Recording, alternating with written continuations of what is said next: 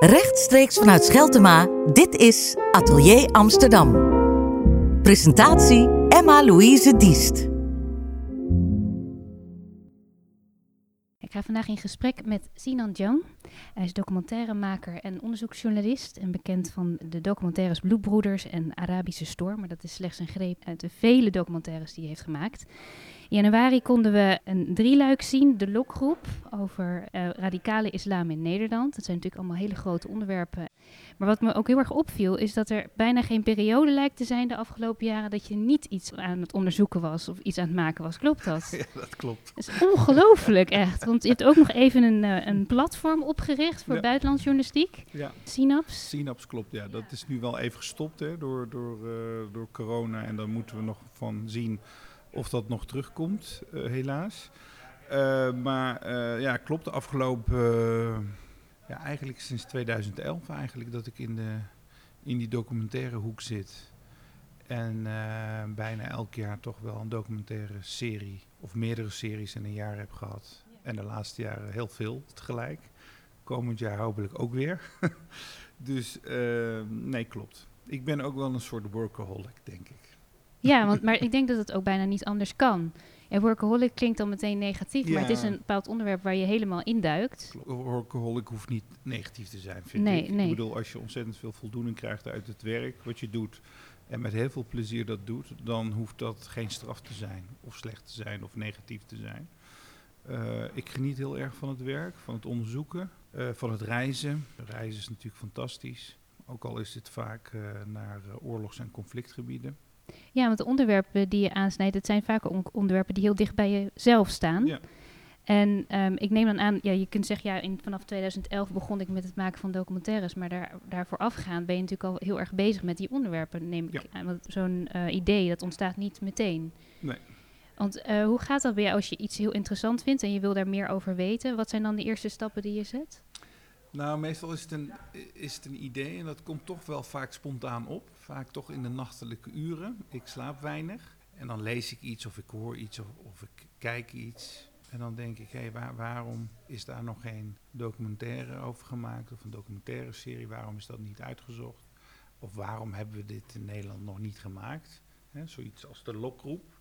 Ja. Waarom is er geen serie gemaakt over de jihad scene in... Uh, in Nederland. Nou, dat komt natuurlijk omdat het gewoon moeilijk is. Ik bedoel, het lastige wereld om, uh, om, uh, om in, uh, in te duiken. Uh, en dan vind ik het al meteen spannend en uitdagend om dat aan te pakken. Ik ben wel van de moeilijke dingen. Ja, er moet wel iets te halen zijn Ja. eigenlijk. Ja. Ja. maar wat ik ook wel interessant vind, als je natuurlijk uh, een onderzoek gaat beginnen en je neemt zo'n groot onderwerp, ben je dan niet soms bang van wat je gaat vinden? Want als je iets zoekt, kan je het ook wel eens vinden. Ja, nee, klopt. Uh, wat een kijker dus eigenlijk niet ziet, is hoe we het gerecht voorbereiden eigenlijk. En dat is soms, ja, daar kun je zelfs nog soms tien delen, uh, tien documentaire series over maken. Als ik over uh, de lokgroep zou vertellen, ja, dan, dan zou dat langer duren dan, dan de serie zelf, die drie keer 45 minuten was. En dat komt ook omdat je, je bent bezig, dingen lukken niet. Of er ontstaan allerlei problemen gaandeweg, het onderzoek. Of je komt er niet helemaal achter. Of wat vaak ook gebeurt, wat ik een heel goed teken vind, is dat, het, dat je tot andere inzichten komt. Of het perspectief verandert. Hè, omdat je dan net vanuit een andere hoek naar het gebeuren of naar het onderwerp hebt gekeken. En denk, hm, wacht even, het zit toch anders in elkaar. Ja, dat dan. is eigenlijk wat je dan wil, ja, denk ik. Ja, ja. ja, dat is eigenlijk wat je wil en wat vind ik heel erg gezond is. Uh, want het grootste gevaar natuurlijk in ons vak, in de journalistiek, is natuurlijk ook gewoon tunnelvisie. Namelijk dat het voor je gevoel al vaststaat waar je naartoe wil gaan of wat de conclusie is en dat je daar naartoe werkt. En alles wat eigenlijk die conclusie vertroebelt, om dat dan ook uh, terzijde te leggen. En dat, dat is gevaarlijk. Dat vind ik trouwens ook wel gevaarlijke journalistiek. Omdat ik denk van nou, je moet... Uh, kijk, ik kies onderwerpen, uh, thema's die echt dicht bij het hart staan, die ik belangrijk vind. maar als we dan het onderzoek starten, werken wij ook naar eer en geweten, omdat ik dat belangrijk vind. Ik zou het ook heel erg vinden als je cruciaal informatie ook gewoon weglaat. Wat misschien heel belangrijk is voor het verhaal of voor de inzicht of voor de kijk naar iets.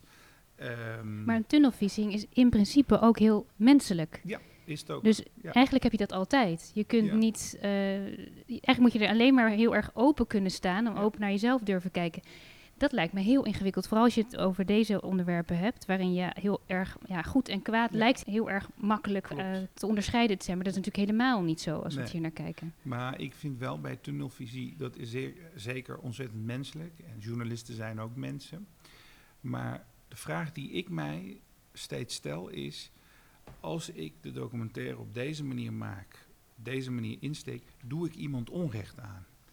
Heb- eh, maak ik iemand op zo'n manier eh, zwart of belachelijk... do- door feiten weg te laten... eh, dat je een, een, een soort ander, nou ja, tot andere conclusies kan komen. En ik denk dan, ja, wat dan heel erg belangrijk is, maar dat staat los van de journalistiek, is heel dicht bij je moreel kompas te blijven ook gewoon. In het gevoel van, kader van, nou, ik mag in die zin niemand eh, onrecht aandoen. Want ja, je kan een verhaal op tien verschillende manieren vertellen. Kijk, ik bedoel, de, je, als de insteek is, laten we een ander onderwerp. Als, ik, als de insteek is, de jeugdzorg is slecht. Hè? Dat, dat is het onderwerp. Nou, Dat is al een bijzonder onderwerp. Want dan, bijzonder ja, onderwerp. dus- al meteen één kant op. ja. Ja, één kant op. En Ja. dan zou je ook, hè, want de conclusie staat al vast, namelijk dat, het- dat, dat het niet functioneert en, en slecht is. Ja, dan, dan kun je natuurlijk gaan kijken naar ra- rapporten die geschreven zijn, die dat ondersteunen. Je kan naar mensen kijken die bij jeugdzorg hebben gewerkt en kritisch waren. En zo kun je een verhaal vertellen. Ja. Dat kan op die, op, op, op, op die manier. Eh, maar de vraag is dan, vind ik, die je zelf moet stellen: van doe, doe ik dan zo'n organisatie waar nog veel meer mensen werken eh, niet tekort? Is het ook niet goed voor zo'n organisatie, los van dat, dat je altijd kritisch moet kijken naar dat soort instellingen? Hè, dat, dat, dat er ook kans is om verbetering, of moet ik de boel helemaal, helemaal slopen? En waar, waar ik in de dingen die wij maken heel erg in geïnteresseerd ben, ik ben ook geïnteresseerd in het andere perspectief. Ik wil heel graag een serie over jihadisten maken, maar ik wil ook kijken naar het perspectief van die jihadist. Van, vanuit welk oogpunt kijkt hij eigenlijk naar Nederland, naar de wereld, naar zichzelf? Eh, is er een soort zelfreflectie bij die mensen of is dat niet?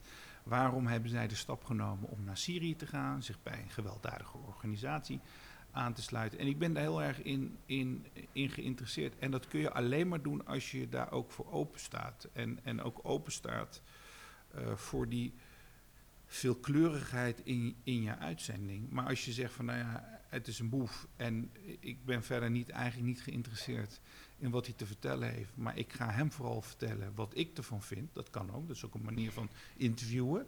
Eh, maar dan ga je één, niks uit die persoon krijgen.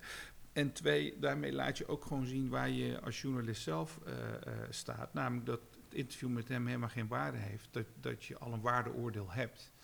maar je Eh, hebt natuurlijk wel altijd een waardeoordeel. Dat, en die, Tuurlijk, die dat vorm je al ook. als je met iemand aan het praten Tuurlijk, bent natuurlijk. Ja. Tuurlijk, nee, maar ik bedoel, als ik met zo iemand praat die zich...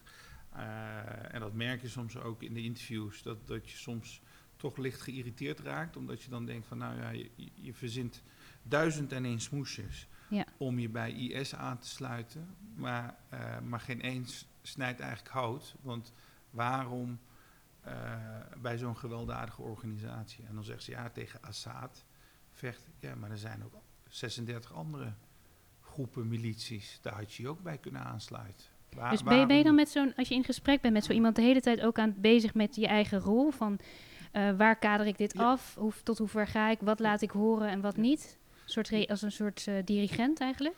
Ja, ook. En, eh, en soms is het ook gewoon eh, dat, dat je in het gesprek ook, dat ik bij mezelf ook merk dat ik eigenlijk iemand niet geloof of geïrriteerd raak. En dan is het wel zaak om dat toch, nou ja, laat ik zeggen, dat toch niet de, de, de bovenhand te laten nemen. Want kijk, als jij, lichaamshouding zegt ook genoeg. Hè? Ik bedoel, als je op een manier tegenover iemand zit en iemand, je bent iemand aan het interviewen en die, persoon luistert half of heeft gewoon een eigen verhaal of is bezig om zich vooral boos te maken, om daar een soort eh, scène van te maken. Hè? Namelijk van, ah, ik, ik was boos en eh, ik heb hier iemand niet laten uitpraten. Dat kan. Eh, maar ik, ik maar wat het wel, wat, wat met mij is, is, ik ben echt oprecht geïn- geïnteresseerd in waarom jonge, jongens, meisjes uit Nederland, hier opgegroeid, derde generatie met een migratieachtergrond. Waarom die, die trigger om naar zo'n organisatie te gaan? En ik ben daar oprecht in geïnteresseerd. En ja, ik weet ook dat ze niet de waarheid spreken en dat ze dingen achterhouden, niet volledig zijn in hun informatie. Maar toch wil ik daar dan een poging toe wagen om te kijken van wat is nou die stap geweest dat dit soort mensen die uh, daar naartoe zijn gaan, zich hebben aangesloten bij zo'n organisatie.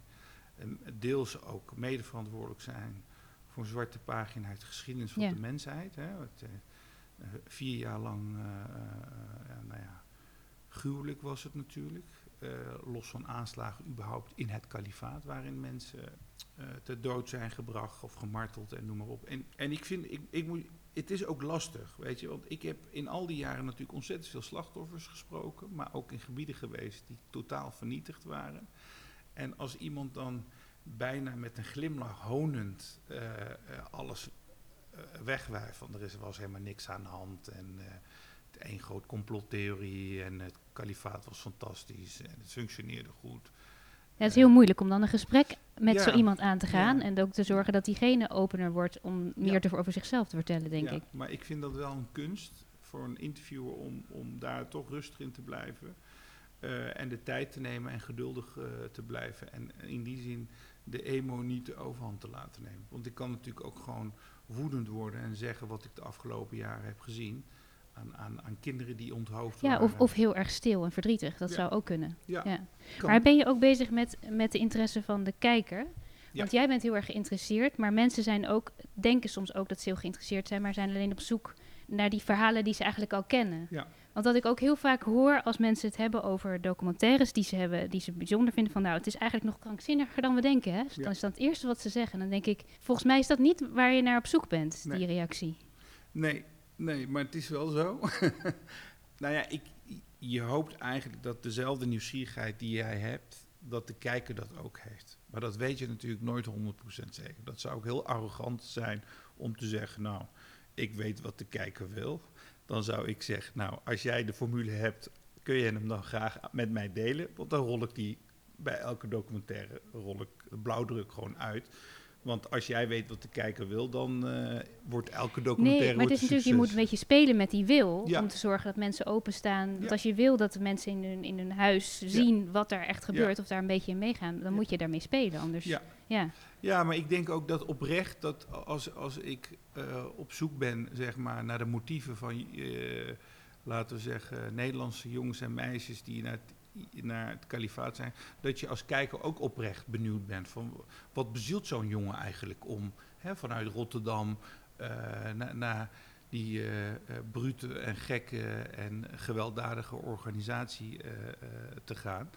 Ik, ik vind dat zelf ook altijd heel spannend, ook, ook omdat ik, ik hou heel erg van feedback, van, van kijkers vooral, weet je wel, van hoe heb je ernaar gekeken en wat miste je nou eigenlijk? En vond je nou Krijg je soms wel eens echt een verhaal waar je wat aan hebt, in plaats ja, van eigenlijk alleen maar een soort nee, heel harde erg, heel reacties? Erg. Mensen in mijn omgeving die, uh, die ook gewoon heel kritisch zijn.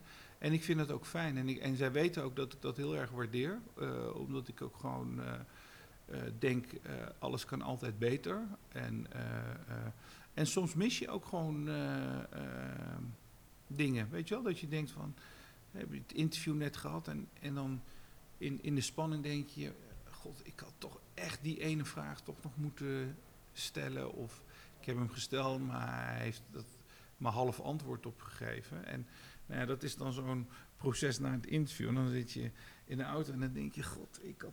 En, en, nou ja. Kan ik nog terug? Ja, maar dan heb je hem al twee uur geïnterviewd, weet je wel. Dus je kan... Ik heb voor de lokroep heb ik iemand zeven uur geïnterviewd. In de hoop dat aan het einde door de vermoeidheid het er toch ja. uit zou komen? Ja, ja, nou ja dat, dat gebeurt dan meestal. Maar ook gewoon omdat ik, ik wilde zo volledig mogelijk zijn. Ik mocht niks missen, want stel nou uh, dat, dat, dat we hem niet meer kunnen interviewen of, of wat dan ook.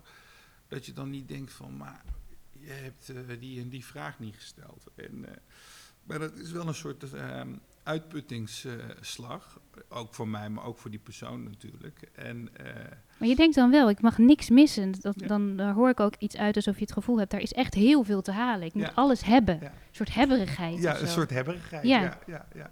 ja. maar ook, ook omdat je dan straks in een montage, dat je dan niet denkt van... God, uh, hebben we dat, uh, dat gemist? Of, dus het is ook, het is ook het is hebberigheid, maar het is ook een beetje angst. Zeg maar dat je dat, dat het verhaal dan niet helemaal volledig is. En kijk, het, het lelijkste wat er is natuurlijk in een, in een documentaire is alles met voice-over aan elkaar lullen. Dat je dat zelf doet. Terwijl ja, of je laat net iets te veel zien, waardoor het niet meer duidelijk is wat het beeld is.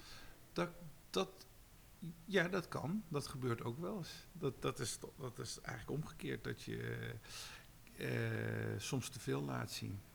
En soms uh, laat ik had daar van de week een hele discussie over met iemand over de serie uh, Voorbij de grenzen van Saudi-Arabië.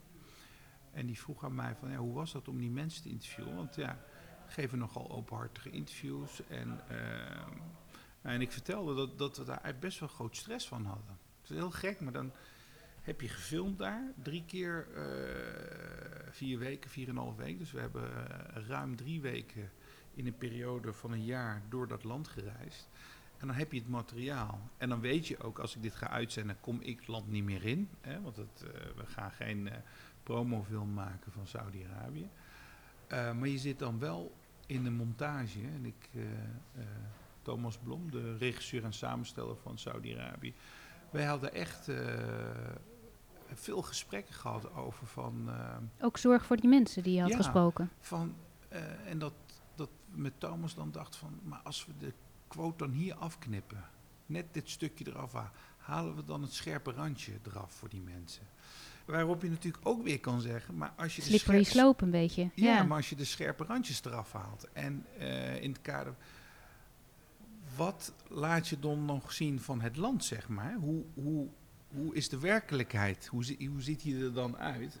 Um, ik vind dat wij vinden dat een lastige, maar ik vind dat in die zin uh, niks kan belangrijker zijn dan een mensenleven. Ik bedoel, uh, daar maar de werkelijkheid is natuurlijk ook heel moeilijk, want wat is ja. dat dan? Dat, daar moet je, dat is iets waar je als documentairemaker sowieso mee bezig bent, denk ik. Zeker, maar ja, de, werk, de werkelijkheid, de werkelijkheid bestaat niet, denk zeg ik altijd. Het is een werkelijkheid, dus ook vanuit welk perspectief je uh, ernaar kijkt. maar, maar weet je, waar ik niet mee zou kunnen leven, is dat we een documentaire maken waarin mensen opgepakt en gemarteld worden en misschien gedood worden. Ik bedoel, dat, ik, dat, als je het over nachtmerries hebt, dat is mijn grootste nachtmerrie. Dat dat een keer uh, uh, gebeurt. Ja, en dan denk je, ja, dit is eigenlijk een hele goede quote, uh, een goede weergave van het land eigenlijk. Maar ik moet dat eindstukje moet ik eraf halen, want da, da, dan komt die persoon ermee in, in gevaar. En eigenlijk alles wat we weg hebben gehaald, heb ik geprobeerd om dat in te vullen via de voice-over. Dus uh, de dingen die die mensen eigenlijk inkopten, maar uh, uh, waarvan ik dacht. nou, weet je, we hadden de, de hoofdredacteur van Khashoggi, de journalist die is vermoord. Ik dacht, als wij dit zo uitzenden, dit, dan komt die man echt in grote problemen. Nou, we hebben een aantal quotes geselecteerd en toen hebben we met Thomas gezegd, weet je Thomas, het is misschien goed om te kijken wat zijn laatste quote dan is in de docu. Nou, zijn laatste quote was dat hij heel veel vertrouwen heeft in de, in de kroonprins. En dat als hij de kans zou hebben om op hem te kunnen stemmen in een, in een democratie, zou hij dat doen. En ik dacht, ja, want dat is wat blijft hangen natuurlijk als laatste. Namelijk hij is wel kritisch op het regime. Uh, en hij is natuurlijk niet helemaal eens hoe dat met Khashoggi is gegaan. Maar dat laatste, dat blijft hangen. Namelijk dat hij kroonprins is, is wel oké. En, en zo hebben we dat eigenlijk bij al die ja, nou ja, geïnterviewden die wij hebben... steeds heel erg goed afgewogen van... joh, zou dit nou dingen zijn waar die mensen mee in de problemen geraken? En ik, ik moet je ook echt heel eerlijk zeggen... ik bedoel, de waarheid is belangrijk...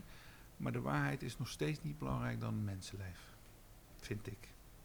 Nee, nee dat, nee. dat begrijp ik. Maar het is ook heel moeilijk natuurlijk. Je, je hebt een enorme verantwoordelijkheid natuurlijk ja. meteen. Vooral bij zo'n serie, hè, wat echt op de voet wordt je gevolgd. Al die mensen, we, we kwamen daar aan, uh, we stapten uit het vliegtuig, twee ambtenaren, één de hele dag is iedereen aan het filmen en te fotograferen en de ander maakt een verslag. En het verslag is echt een uitgebreid verslag. Dus hoeveel minuten duurt het interview? Waar is die persoon geïnterviewd? Wie is die persoon? Wat is er aan hem gevraagd? Wat heeft hij geantwoord? En die mensen krijgen voor een interview, na een interview, ook bezoek van die ambtenaar. En de interviews waarin we die ambtenaar hebben afgeschud eigenlijk, dat waren de meest spontane interviews. Maar daar hadden ze dus, Dus geen... alle, alles wat je doet is ingebed in een soort controlesysteem. Ja, die is gigantisch. Ik heb dat eigenlijk nog nooit in een land meegemaakt. Misschien in Noord-Korea is het hetzelfde. En vast nog in een paar andere landen. Maar niet dat alles zo gecontroleerd is en dat mensen geïntimideerd worden. En al voor een interview een bezoek krijgen. Hè. En dan ook nog na het interview nog een heel eh, soms tirade krijgen van maar waarom heb je dat gezegd? En eh, om alles in controle te houden. En wat ons dus een aantal keren is gelukt, is om die ambtenaren van het ministerie van Informatie of Communicatie, eh, om die af te schudden en dan echt spontane ontmoetingen. En, eh, Spontane ontmoetingen, Ja. dat vind ik dan, dat is sowieso in het gewone leven al ingewikkeld. nou, dan komen we gewoon iemand tegen op de markt bijvoorbeeld, weet je wel, die heel interessant is en denken wij, die gaan we, die gaan we even interviewen. En, die, en dat hebben ze dan niet meer onder controle, wat, wat, wat zo iemand dan eh, vertelt. Maar dan draag je nog steeds eh, verantwoordelijkheid ook voor die mensen. Waar, ik heel hard om moest lachen is, zij hadden natuurlijk een heel productieboekje gemaakt met allemaal foto's en mensen die we hadden geïnterviewd en eh, hoe lang en waar en wie heeft wat verteld. Maar zij missen dus allemaal personages in het verslag wat zij hebben geschreven, die wij, de, die wij echt spontaan hebben ontmoet daar en hebben geïnterviewd. Kijk je dan ook anders naar controle? Want die mensen hebben het idee dat ze controle hebben Ja. natuurlijk. Dan hebben Ja. ze, zich, bijten ze zich in vast. Maar in, in principe is het dus controle. is helemaal geen data weergeven Nee. eigenlijk. Nee, klopt. Nee. Nee, klopt. Het is ook dat wij eh, eh, op een gegeven moment ook gewoon. eh, dan ga je ook de hele tijd kijken van. ehm, eh, hoe kunnen we ze afschudden? Weet je wat, wat is er nodig eigenlijk om. om nou, de ene keer is het eh, eh, smoes dat ik buikpijn heb en eh, op bed moet gaan liggen. En of je de brandtrap, zeg maar, achter het hotel eruit, snel gaan filmen, terugkomen. En dan weer naar de lobby komen. En dan eh, zeggen, ja, nou, ik ben er weer klaar voor, we, we, we kunnen eh, weer. Wij moesten op, op een pleintje filmen, wat ze de Chop Chop plein noemen, waar ze dus al die hoofden afhakken. Maar ja, als je zegt, wij willen daar filmen, ze zijn natuurlijk niet gek. Ze weten natuurlijk ook, oh, wacht even, ze zijn, zij willen daar... Maar überhaupt als je wil filmen, Ja. lijkt me dat al heel Ja. moeilijk. Ja. nou, we hebben s'avonds hebben we in, in, in onze hotelkamer met Thomas even gekeken waar dat pleintje is. Nou, we zagen naast het pleintje een gigantisch groot museum van de Ara- Saudi-Arabische geschiedenis, van hoe, hoe het land zich heeft ontwikkeld en noem maar op. Ik dacht, nou ja, mooi. We- gaan eh, filmen in, eh, in het museum. En dan geraken we wel op een gegeven moment op dat pleintje. Nou, heel vroeg begonnen. Wat meestal zo is, is ehm, eh, dat ze in Saudi-Arabië heel vroeg beginnen, vinden ze heel vervelend. En ergens in de middag hebben ze een soort siesta. Dan willen ze gewoon rusten en even eh, eh, niks doen. Nou, wij heel vroeg begonnen. Alle punten en hoeken van het museum gefilmd, wetende dat we dat allemaal niet gaan gebruiken. Maar who cares?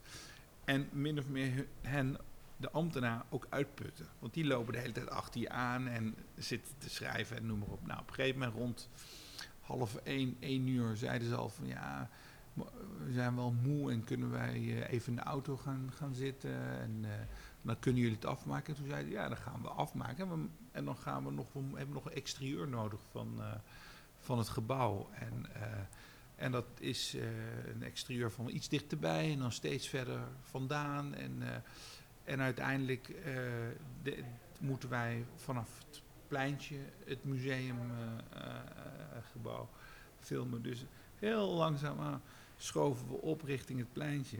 Naar de plek waar, waar het waterput, waar, waar een putje zit om het bloed, zeg maar, wat, wat dan eh, over dat hele plein heen eh, stroomt. Eh, wat, waar, ze ook eh, eh, een, eh, eh, water hebben om het schoon te maken, noem maar op. heel langzaam dus naar die plein. Nou, wij wisten al dat dat die plek was. We hadden het al op YouTube gezien, verschillende onthoofdingsfilmpjes. en dan heb je eigenlijk drie minuten om iets te vertellen over die, die, die plek. En dat zit dan ook drie minuten in de uitzending. En daar heb je dus een heel dag over Ja. gedaan. Alleen maar om die mensen eh, van je af te schudden. En ook gewoon in die zin het Saudi-Arabië te laten zien. eh, die, die, niet, die het ministerie niet wil laten, wil laten zien. Maar die, die wij, waar wij ook in geïnteresseerd zijn. Maar dan is onderzoeksjournalistiek dus eigenlijk... In plaats van wat met heel veel mensen denken, nou, ik heb een onderwerp en dan ga ik heel hard op afrennen Ja. en dan heb ik het. Ja. Wat je nu vertelt is echt gewoon van die laag van die ui langzamerhand. En je weet dat alles wat je doet is allemaal Ja. voor dat ene onderwerp of dat punt, Ja. dat putje zeg maar. Als we even Ja. metafoor kunnen gebruiken ook. Daar moet ik zijn, maar ik neem genoegen met eerst de brandtrap. Heel veel mensen weten dat niet. Nee. Zou, je daar dat, zou je dat ook niet willen laten zien een keer? Dat, is ook, dat, dat zou ik graag willen laten zien. Ik zou ook veel meer willen vertellen over eh, hoe dingen tot stand komen. Ik heb in ieder geval wel in de afgelopen jaren geleerd dat je een soort ge- profetengeduld moet hebben. Dus echt geduld, geduld. En Ook in wat je wil maken, bedoel je? ja, en die, dat, dat, die, die wordt echt op de proef gesteld hoor. Ook in landen als Irak. ehm, weet ik nog dat wij. ehm, wij wilden heel graag eh, voor in het spoor van IS filmen eh, bij, bij, bij het gat waar ze Saddam Hussein uit hadden getrokken. Waar die zich had verstopt in een soort eh, ondergrondse kamer, bunkerachtig. Eh, en dat lukte niet, want het was heel gevaarlijk. En, eh, Ik denk Nou. meteen, nu gaan we op zoek naar het museum wat naast het nee, maar dat, wij wilden dus daar naartoe. Nou, het is gevaarlijk. Het is eh, in, een- in een klein dorp in de buurt van Tikrit, waar Saddam Hussein vandaan komt. En daar hebben we echt twee dagen over staan zeuren tegen de militie die ons begeleidde in dat, in dat gebied. En uiteindelijk gingen ze akkoord. 60 gewapende mensen met doorgeladen wapens. Nou ja, dan begrijp je ook waarom het zo lang duurde eigenlijk. Maar je had ook kunnen zeggen van, nou ja, we hebben het drie keer gevraagd en het lukt niet. En, eh, en, dit, en, dit, en dat is het. Eh, ehm, maar dat, dat geldt dus in, die, in het Midden-Oosten vooral eh, niet. Want als als, als je het beltje heel snel neerlegt, dan heb je ook echt niks staan. Je moet geduldig zijn en op die kans wachten en het momentum en timing. En op een gegeven moment waren we daar, hebben we vijf minuten eh, gefilmd. Maar het was wel een mooi eh, bouwstuk, eh, eh, onderdeel van het verhaal ook. En dat is eigenlijk ook, ook met dit pleintje, want je kan ook gewoon zeggen, nou ja, het lukt niet. En wij maken, we halen beelden van YouTube en dan vertel ik nog ergens dat het niet is gelukt om bij dat pleintje te komen. Of je kan denken van, nou ja, we gaan toch kijken. Kijk, als het misgaat, dan weet je ook, dan word je op het vliegtuig gezet en eh, per direct afgevoerd. Ja, en dus dat je, is je balanceert echt Ja. op die grens. Maar Ja. je moet hem wel opzoeken en je moet erover van jezelf. Ja. Ja. ja, wij balanceren heel vaak op, op, het, eh, op, op het randje, moet ik zeggen. En eh, tot nu toe, even afkloppen, is het altijd goed gaan. Maar er waren wel momenten waarin het niet goed af- had kunnen aflopen. En dat we te ver hebben eh, gepusht en noem maar op allemaal. Maar En dat is natuurlijk ook, dat is ook moeilijk. Dat moet je natuurlijk Ja. aftasten de hele tijd. Ja, het is lastig ook omdat eh, situaties veranderen ook steeds. Dus dan denk je, Op nou, het moment zelf. Ja, Ja. we gaan eh, naar Bagdad, is prima, niks, niks, niks aan de hand. En dan ben je daar een dag en dan blijkt er weer een militie ruzie te hebben met een andere militie, of er is iets gebeurd, of er is er elders in de wereld iets gebeurd wat, wat het kan. En dat is gewoon, eh, ja, dat blijft gewoon heel lastig gewoon, omdat je echt ter plekke pas ook weet hoe de, hoe de situatie is. Dus je kan een heel draaiboek gaan maken van, nou ja, we gaan daar naartoe en we gaan daar en we, en we gaan in die zeehuis of safehouse en we doen dit. Maar, ik denk ook wel dat het kan je ook tegenhouden als je te veel hebt voorbereid, Ja. denk ik. Ja. Omdat je dan toch te veel dat allemaal moet doen. Maar ja, je, op, op zo'n moment moet het dus alles weer anders. Dan moet je die openheid ook hebben natuurlijk. Ja. Ja. Dat weet ik nog heel goed bij eh, in het spoor van IS toen wij dat maakten. Dat we een script hadden geschreven en dat we ook tegen elkaar zeiden: het kan best zijn dat we na dag twee het gewoon in de prullenbak smijten. En dat je dat moet doen ook. Ja, en dat je dan gaat kijken wat is haalbaar hier in het gebied. En IS was toen nog niet verslagen. Nou ja, en wij wilden een serie maken over hè, eh, eh, de opkomst en de ondergang van IS. Nou, de ondergang was toen in, al in gang gezet. Ja, en dan is het echt elke dag kijken, aftasten, wat kun je binnenhalen en wat niet. En eh, Wij hebben toen drieënhalve week door Irak en Syrië hebben we gereisd. Echt langs de smeulende resten van, eh, van IS ook soms. Ja, en dat is, ja, ik vind dat wel spannend hoor, omdat je dan ook niet helemaal weet wat, uh, wat je binnenhaalt en wat hè, überhaupt. Of je een, een, een, driedelige of een tweeluik kunt maken. Misschien is, wordt het maar een, een, een, nou ja, een one-off. Ja, je zoekt wel steeds inderdaad wel echt, echt het gevaar heel erg op. Niet een klein beetje, maar het lijkt wel, in principe zijn heel veel mensen dat als er iets gebeurt. Ja, in Nederland wonen we in een land waar we geen oorlog is. Dus dan weten mensen dat niet van zichzelf. je weet dat pas als er iets echt aan de hand is, of je degene bent die naar buiten rent om mensen te helpen, of dat je verlamt. Ja. Maar jij bent iemand die uh, heel goed kan reageren in crisis. Ja. Ben je daarvan bewust dat je dat doet? Dat je naar, naar het gevaar toe gaat in plaats van wegloopt? Nee, klopt. Dat, uh, uh, dat is zo. Ik bedoel, dat, dat, dat, dat, dat, ik er naartoe loop. Wat, we wel, wat ik vaak probeer te doen, en dat lukt niet altijd, om de risico's zo klein mogelijk te houden. Maar ja, dat is heel makkelijk gezegd. het en is wel is, vuur. Ja. En het is misschien ook niks waard als je weet dat er bijvoorbeeld ergens in een stad om de uur een autobom afgaat. en dan kun je wel zeggen, ik blijf gewoon gezellig binnen zitten. Maar ook binnen kan ook gevaarlijk zijn. Um, wij hebben uh, een aantal momenten uh, uh, gehad waarin ik wel eens dacht van nou, dit is tegen het onverantwoorde aan eigenlijk. Hè? Dat je jezelf in, in gevaar brengt omdat je iets heel belangrijk vindt of een verhaal heel belangrijk vindt om, om te vertellen. maar ook dat zijn dingen die je dus achteraf eigenlijk, achteraf heb je pas door eigenlijk door welke naald je gekropen bent, zeg maar.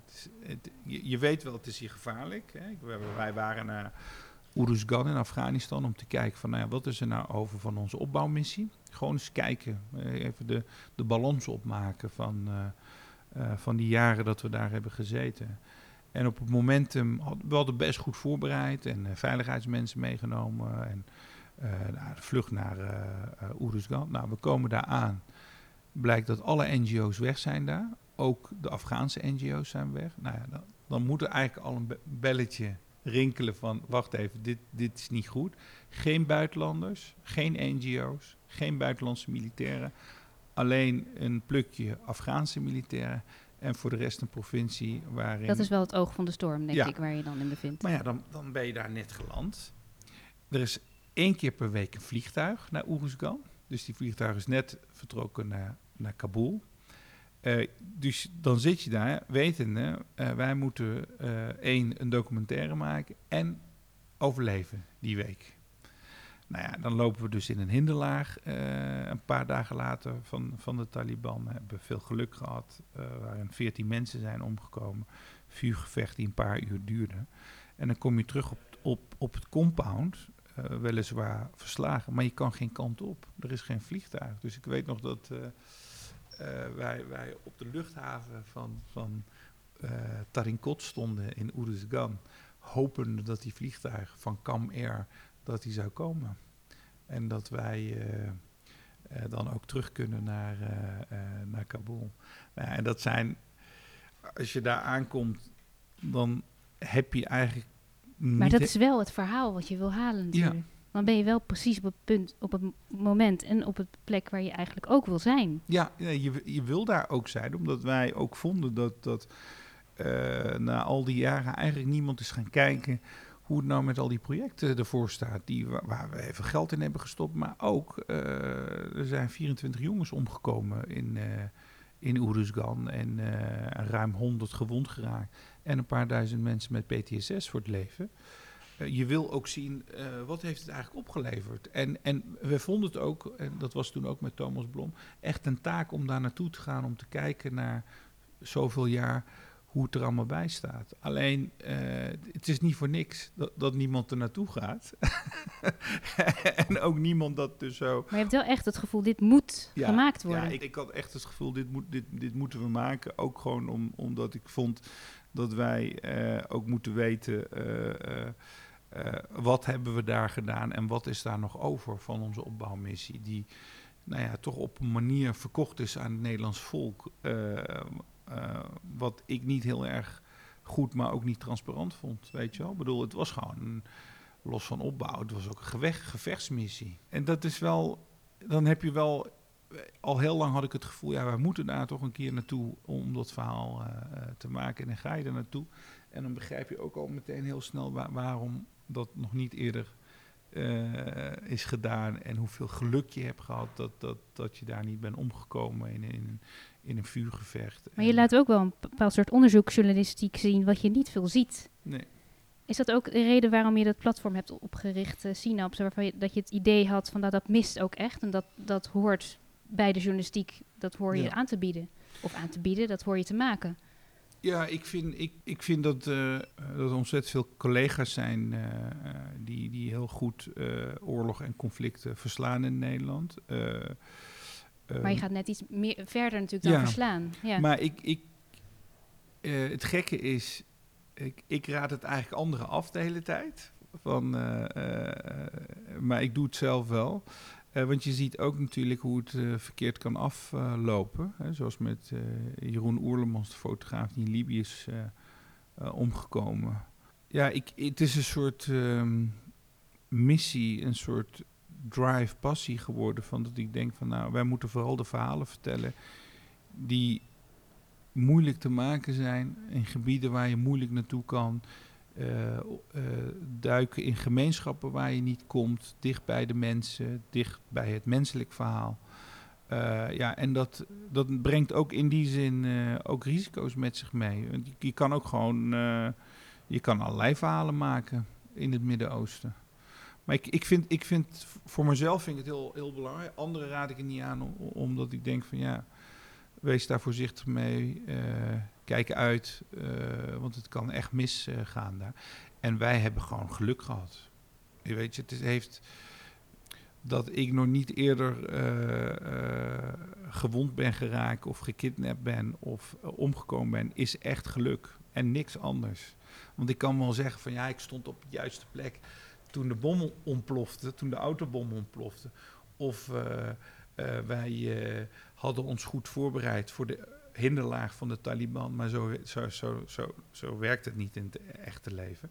En, en dan weet je ook dat dat geluk is. En geluk kan ook een keer ophouden.